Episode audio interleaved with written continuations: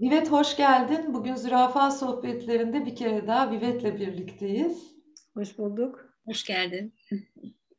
Şimdi e, Vivet ben seni tanıdığımdan bu yana e, şeye tanık oldum. E, önce başka bir okul mümkünle çalışmalarına tanık oldum. Daha sonra öğretmenlerle e, eğitim sistemiyle ilgili senden hem hayatına ilişkin şeyler duydum hem de çalışmalar yaptın. Nedir bu öğretmenler ve eğitim sistemiyle ilgili senin içinde yanan şey? Eh, Marshall Rosenberg'le beraber çalışırken e, hepimize sorduğu soruyu bana da sordu. Ne yapacaksın şiddetsiz iletişimler? Ne yapmayı düşünüyorsun dediğinde e, yani vizyonumuzu çalıştığımızda şiddetsiz iletişimi paylaşırken vizyonun ne sorusuna benim de cevabım şu olmuştu. Marshall 10 yıl sonra şiddetsiz iletişimin eğitim fakültelerinin müfre, müfredatına alındığını görmek ve bunun için çalışmak istiyorum. Çünkü e, motivasyon şu, hepimiz mevcut sistem içerisinde eğitiliyoruz ve e, zihnimiz e, yargıcı bir zihin sahibi oluyoruz. En iyi öğrendiğimiz şey eğitim sistemi içerisinde, evde, okulda, sosyal çevremizde yargı yapmayı öğreniyoruz. Hayatı zenginleştiren şey olan ihtiyaçlara yönelik bakış açısına sahip olamıyoruz. E, o zaman da e, bu yargıcı zihnimiz bizi sürekli olarak ayrıştırıyor. Birbirimizin, birbirimizin karşısına getiriyor ve düşmanlaştırıyor. E, ve çatışmaların çıkmasına neden oluyor. Çok temel bir şey. O zaman bu çocukça çocuklar okula başladıkları ilk günden itibaren hatta ebeveynler bunu öğrenseler yani doğdukları andan itibaren şiddetsiz bir iletişim ortamında büyüseler e onlar o doğal halleriyle başka bir dünya yaratırlar. Yani başka bir dünya derken daha barışçıl, daha adil, daha birbirine bağlanın bilincinde olan insanların bir araya geldiği ve hayatı zenginleştirdiği bir e, yapı oluşturabilirler düşüncesi beni hep e, eğitim alanına, çocukların eğitimine yöneltti. Aynı zamanda özel hayatımda da benim şimdi e, bir hafta sonra oğlum 30 yaşını tamamlıyor. E, zaten şiddet iletişimi ve bulaşmamın bir nedeni de oğlumdur. E, oğlumu da desteklemek istedim. Yani o da e, nasıl olur da e, kendi biricikliğini koruyarak büyüyebilir kaygısı vardı. Ki mesela orada şu örneği vermek istiyorum. Ee, biz onun okulunda çok şansımız oldu. Şeydir, mahalle okuludur gittiği ilkokul. Ben Berlin'deyim ve Berlin'de özel okullar, özel e, şeyler yok. Ee, bütün sistem devlet okulu dediğimiz, devlet okulu, özel okul diye bir ayrım fazla yok burada, öyle diyelim. Mahalle ilkokuluna gitti. Ve şunu yaşadı, kitapta gördüğüm için hatırladım bu kısmını. Ee, çocuklar birbirlerinden öğrenirler. İşbirliği, partnership, e, bu ortaklık anlayışı, e, hayatı zenginleştiren eğitimde altı çok çizilen şeyi benim biz oğlumla yaşayabildik ve yaşayamadığımız zaman e, yokluğunu hissettik. Şöyle ki e, benim oğlum hızlı öğrendi. Yani birinci sınıfa geldiği zaman çok hızlı bir şekilde e, hesap kitap işini çözdü ve okuma yazmayı çözdü. Ve e, bunu öğretmeni çok güzel fark edip onun kadar hızlı öğrenmeyen arkadaşlarıyla işbirliğine yöneltti. Ve benim oğlum sınıfta kendi akranlarından birlikte öğrendiklerini paylaşarak hem öğrendiklerini pekiştirdi hem de akranlarına katkıda bulunabildi. Ve bu çok doğal bir ortamdı. Ve hiçbir sorun yaşamadık. Çünkü Çocuklar çok farklı oluyorlar. Ve bir sınıf ortamına geldikleri zaman bu farklılıklarını kucaklayacak bir atmosferle karşılaşmadıkları zaman e, mevcut sistemin verdiği yargı yöntemleriyle e, tanılar konuluyor bunlara. Mesela benim oğlum hiperaktif olabilirdi ve sınıfta huzurluk, huzursuzluk çıkaran bir çocuk olabilirdi. Bu yanı e, kanalize edilmeseydi. E, diğer hızlı öğrenemeyen çocuklar, onun kadar hızlı öğrenemeyen çocuklar da zeka sorunlu diye gözetilip yine farklılaştır, farklılaştırabilirlerdi. Çok büyük şansımız oldu. İlkokul öğretmeniyle ilk üç sene benim oğlum hiçbir sıkıntı çekmeden okulu götürürken üçüncü sınıfta öğretmeni değişti. Bu yöntem de değişti ve üçüncü sınıfta oğlumun şeyleri, performansı mı değil, notları mı değil, radikal bir şekilde düştü. Ee, anlamaya çalıştığımızda da fark ettik ki inanılmaz sıkılıyordu sınıfta. Hayalperest bir çocuktur. E, zihni çok işlektir. Pencereden dışarıya bakıp sınıftan uçup gidiyormuş. Onun için de derste ne yapılıyor, ne ediliyor hiç haberi olmuyormuş. Yani onu kucaklayabilecek bir ortam olmayınca sınıfta kaydı. Bunları yaşamak çok ilginçti. Biz tabii çeşitli çözümler aramaya çalıştık ama hep bireysel çözümler oldu. Bu da beni motive etti. Bu anlamda Türkiye'ye geldiğim zaman da hep aklımda var hani öğretmenlere nasıl ulaşılabilir, ebeveynlere nasıl ulaşılabilir, ne yapabilirim? Biliyorsunuz e, dönemsel geliyordum. Geliyordum iki hafta kalıyordum Türkiye'de. İşte şiddet rejimi kimlere nasıl ulaştırabilirim çabası içerisindeydim. Zaman içerisinde zannediyorum 2012 falandı. Facebook'ta e, başka bir okul mümkün diye bir ilan gördüm ben okul açıyoruz diye. Ve benim oğlum da e, normal ilkokula gitmekle birlikte e, okul öncesi e, e öğretmen e, inisiyatifiydi. Yani şey, e, ebeveyn inisiyatifiydi. Yani biz 15 aile bir araya gelerek bir okul öncesi kurup orayı birlikte yönetmiştik. Öyle de bir deneyimim var. Orada da işbirliği hem öndeydi, hep birlikte nasıl yapabiliriz konuları öndeydi. Başka bir okul mümkün lafını duyunca ben arkadaşlarla kontağa geçtim. O zaman daha İstanbul'da kuruluş seviyesindeydiler. Çabalar içerisinde e, şeydi telefonda Feyza Eykul'dur e, karşılaştığım ilk başka bir okul mümkünce arkadaşımız. Aradan zaman geçti. Onlara yaptığım önerilere vakitleri olan bilemiyorum. Kendi bilecekleri şey hayat şartları. 2015'te BOM şeyi fark etti. Okul açmakla olmuyor. Bu okulda onların istediği eğitimi verebilecek eğitim, öğretmenlerin eğitmenlerin yetişmesi gerekiyor. Ve ilk e, eğitmen e, öğretmen programını açtılar. Ve o programda beni modül olarak şiddetsiz iletişim paylaşmaya davet ettiler.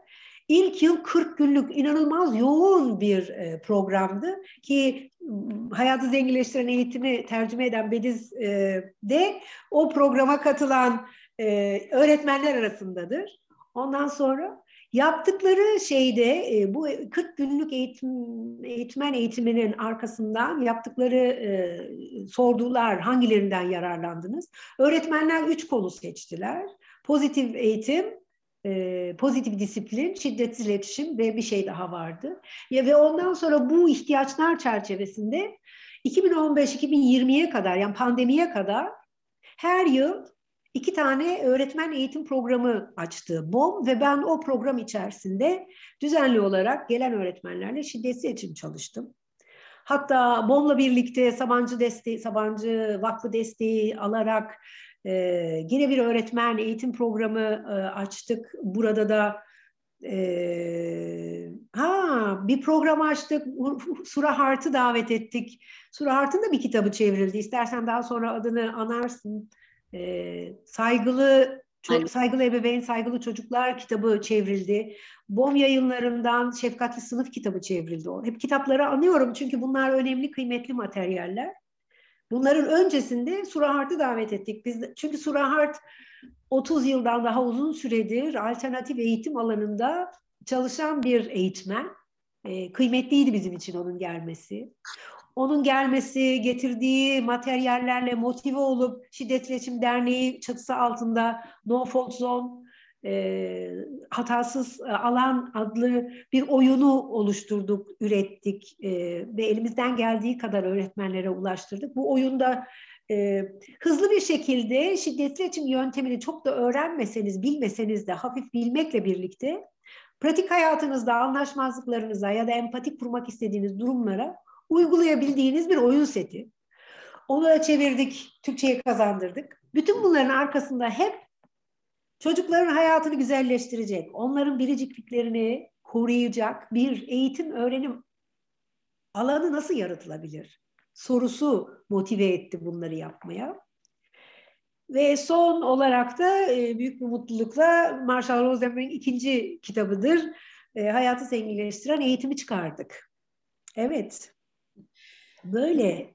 Şimdi başlamadan ben bu arada kutlamak istiyorum bu Şiddetsiz Eşim kitaplığında en son kitap değil mi Türkçe'ye çevrilen?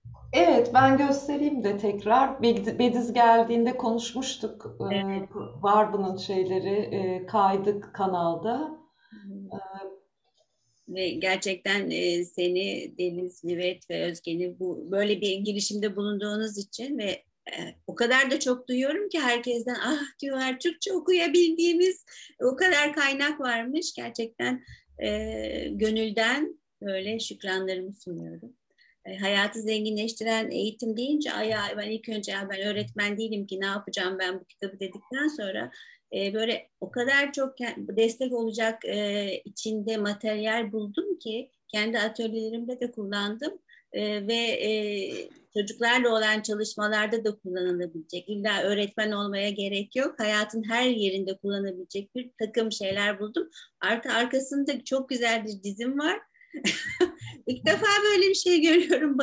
Bayıldım yani kaynakçalar var. Böyle dolu dolu çok zengin gerçekten hayatı zenginle, zenginleştiren hem eğitim hem kitap. Teşekkür etmek istedim bu arada. E, teşekkürler. Bir kere bu yayın evi hikayesine iki laf edeyim. Geldiğim ilk günden beri bu kitapları yani şiddet seçim kitaplarını Türkçe'ye nasıl kazandırırız diye çok uğraştım. E, yayın evleri dolaştım. Yani bin bir zorlukla hakikaten rica minnet de e, Remzi Kitap Evi'nde bir ortak tanıdık vasıtasıyla Şiddetsiz İletişim kitabı çıktı.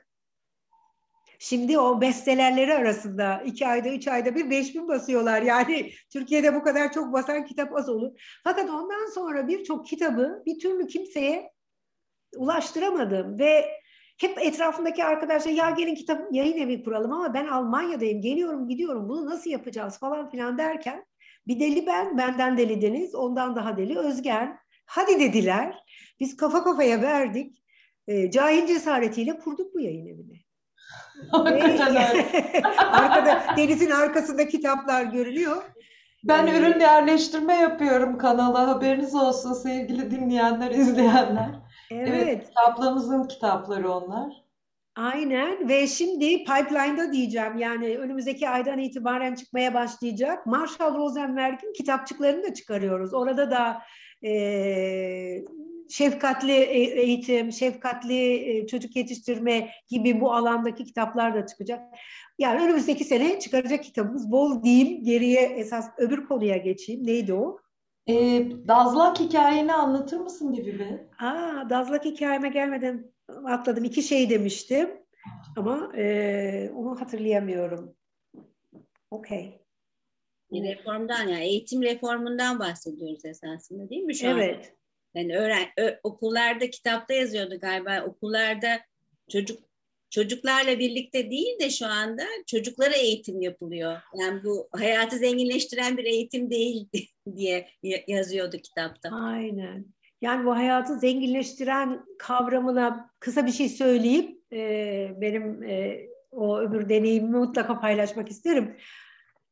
E, eğitim sistemimiz de bütün sistemimiz gibi neyin doğru neyin yanlış olduğunu bilen az sayıda insanın ve yapının büyük geniş sayıdaki insanlara ve yapılara ne yapacaklarını söylemesi ve bunu doğru ve yanlış diye değerlendirmesi üzerine kurulu. Yani ödül ceza sistemi ve bütün okullarımızın özü de bu sistemin bir parçası olarak ödül ve ceza üzerine kurulu. Nedir ödül? 10 aldın aferin, bir aldın sıfır. Ve öğrenme eyleminin kendisi not için olmayan dış motivasyondan oluyor. Bu da iç kaynaklarımızı harekete getirip öğrenmenin keyfiyle hayatı zenginleştirmek için bir eylem olmaktan çıkıp öğretmenin, üniversitenin, e, işverenin beklentisine cevap veren bilgileri zihinde toparlayıp sunma üzerine kendi öğrenme, hayatın kendisi öğrenme, büyüme, bundan kopmamıza neden olan bir eğitim sistemi içerisindeyiz. Bu eğitim sistemi de sanayinin ihtiyaçlarına göre, göre son 200 yılda düzenlenmiş bir sistem. Bir zaman bir ihtiyaç vardı.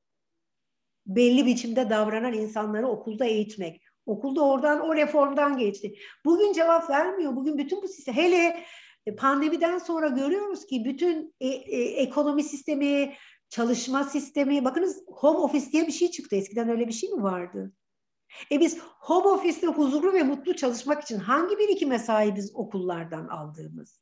Yani okullar hayatın ve toplumun gelişip değişip ve dönüşümüne ayak uyduracak ve hizmet edecek, zenginleştirecek yapıya sahip değiller. Bu kötü oldukları için değil, geçmiş zamana ait bir sistem oldukları için. Onun için de hayatı zehir eden bir hale gelebiliyor. Çocuklar biliyorsunuz intihar ediyorlar notlarını alamadıkları ya da başarılı olamadıkları için. Ya da zekalarına göre tasnif edilip eleklerden düşebiliyorlar. Yani öğrenme içsel motivasyonla, keyif içerisinde, birbiriyle ilişkiler içerisinde ve hakikaten partnership dediğimiz işbirliği, o öğretmenin öğrenciyle, öğrencinin birbiriyle, öğretmenin yönetimle, yönetimin birbiriyle işbirliği içerisinde olduğu hakikaten partnership, ortaklaşa birlikte geliştirdiği ve bulduğu şeylerden oluşan bir eğitim değil. Bunu öğretmenlere ilk söylediğimiz zaman nasıl falan diyorlar. Yani çok şaşırıyorlar çünkü bu sistemin içerisinden geliyorlar. Fark ettiğim şu ki genç öğretmenler aç ve susuzlar bunlar için. Onu hatırlıyorum ben üç günlük eğitimimden o eğitim programında BOM öğretmenler üç gün sunuyordum. Bu kadar hızlı ve çok yararlanan başka bir topluluk tanımıyorum. Ben çok farklı insanlarla şiddet iletişim Öğretmenler böyle sünger gibi alıyorlardı. Nasıl e, e, özlemişler bunu ve hemen uygulamalara geçiyorlardı. Bunu derken de şeyi söylemek istiyorum. Bu yıl Özgel Saççiler ekibiyle birlikte ne zaman zaman Ağustos, Eylül yeni bir program açıyor. Yine öğretmenler için şiddetsiz iletişim yıllık programı. Çünkü dediğim gibi sünger gibi çekiyor öğretmenler ama eski sistem ya mevcut sistemin alışkanlıklarıyla çok sıkı sıkı e, yetiştikleri için e, mindset, kafa yapılarını değiştirmeleri ve güven duymaları lazım. Ben çocuklarla işbirliğine girersem bu işten bir şey çıkar. Ee, mesela pratikler, şimdi hatırladım. Pratiklerimizden bir tanesi şey dedin sen e, Canan. E, sadece çocuklar için, sadece öğretmenler için değil. Kesinlikle öyle değil. Ben kendim Sura Hartman çalıştıktan sonra adapte ettim onun sınıf için önerdiği şeyi. Bugün açtığım her eğitimde topluluk saati diyorum. Okullarda çember adı onun.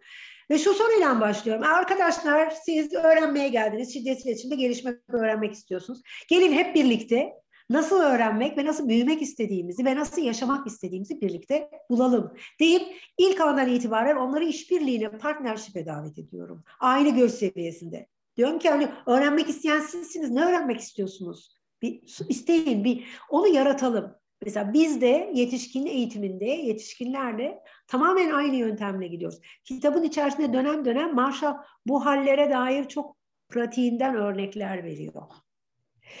Buraya bir nokta koyayım. Senin deniz soruna geri geleyim. O da evet, şu başlık altında. Yine kitaptan kitabı okurken hatırladım. Ee, okullarda çatışma çözümü, bu bullying'in Türkçesi ne? Ee, zorbalık falan gibi konular, öğretmenlerin okul sisteminin en canını yakan konular. Ne yapabiliriz ve şiddet için nasıl yardım eder sorusuna açın kitabı okuyun diyorum ama ben kendi hayatımdan bir örnek vermek istiyorum. Çünkü ben çok şaşırdım. Ve böyle şey demiştim. Aa nasıl yani? Bu 15 dakikada biz bu işi hallettik mi? Nasıl yaptık ya?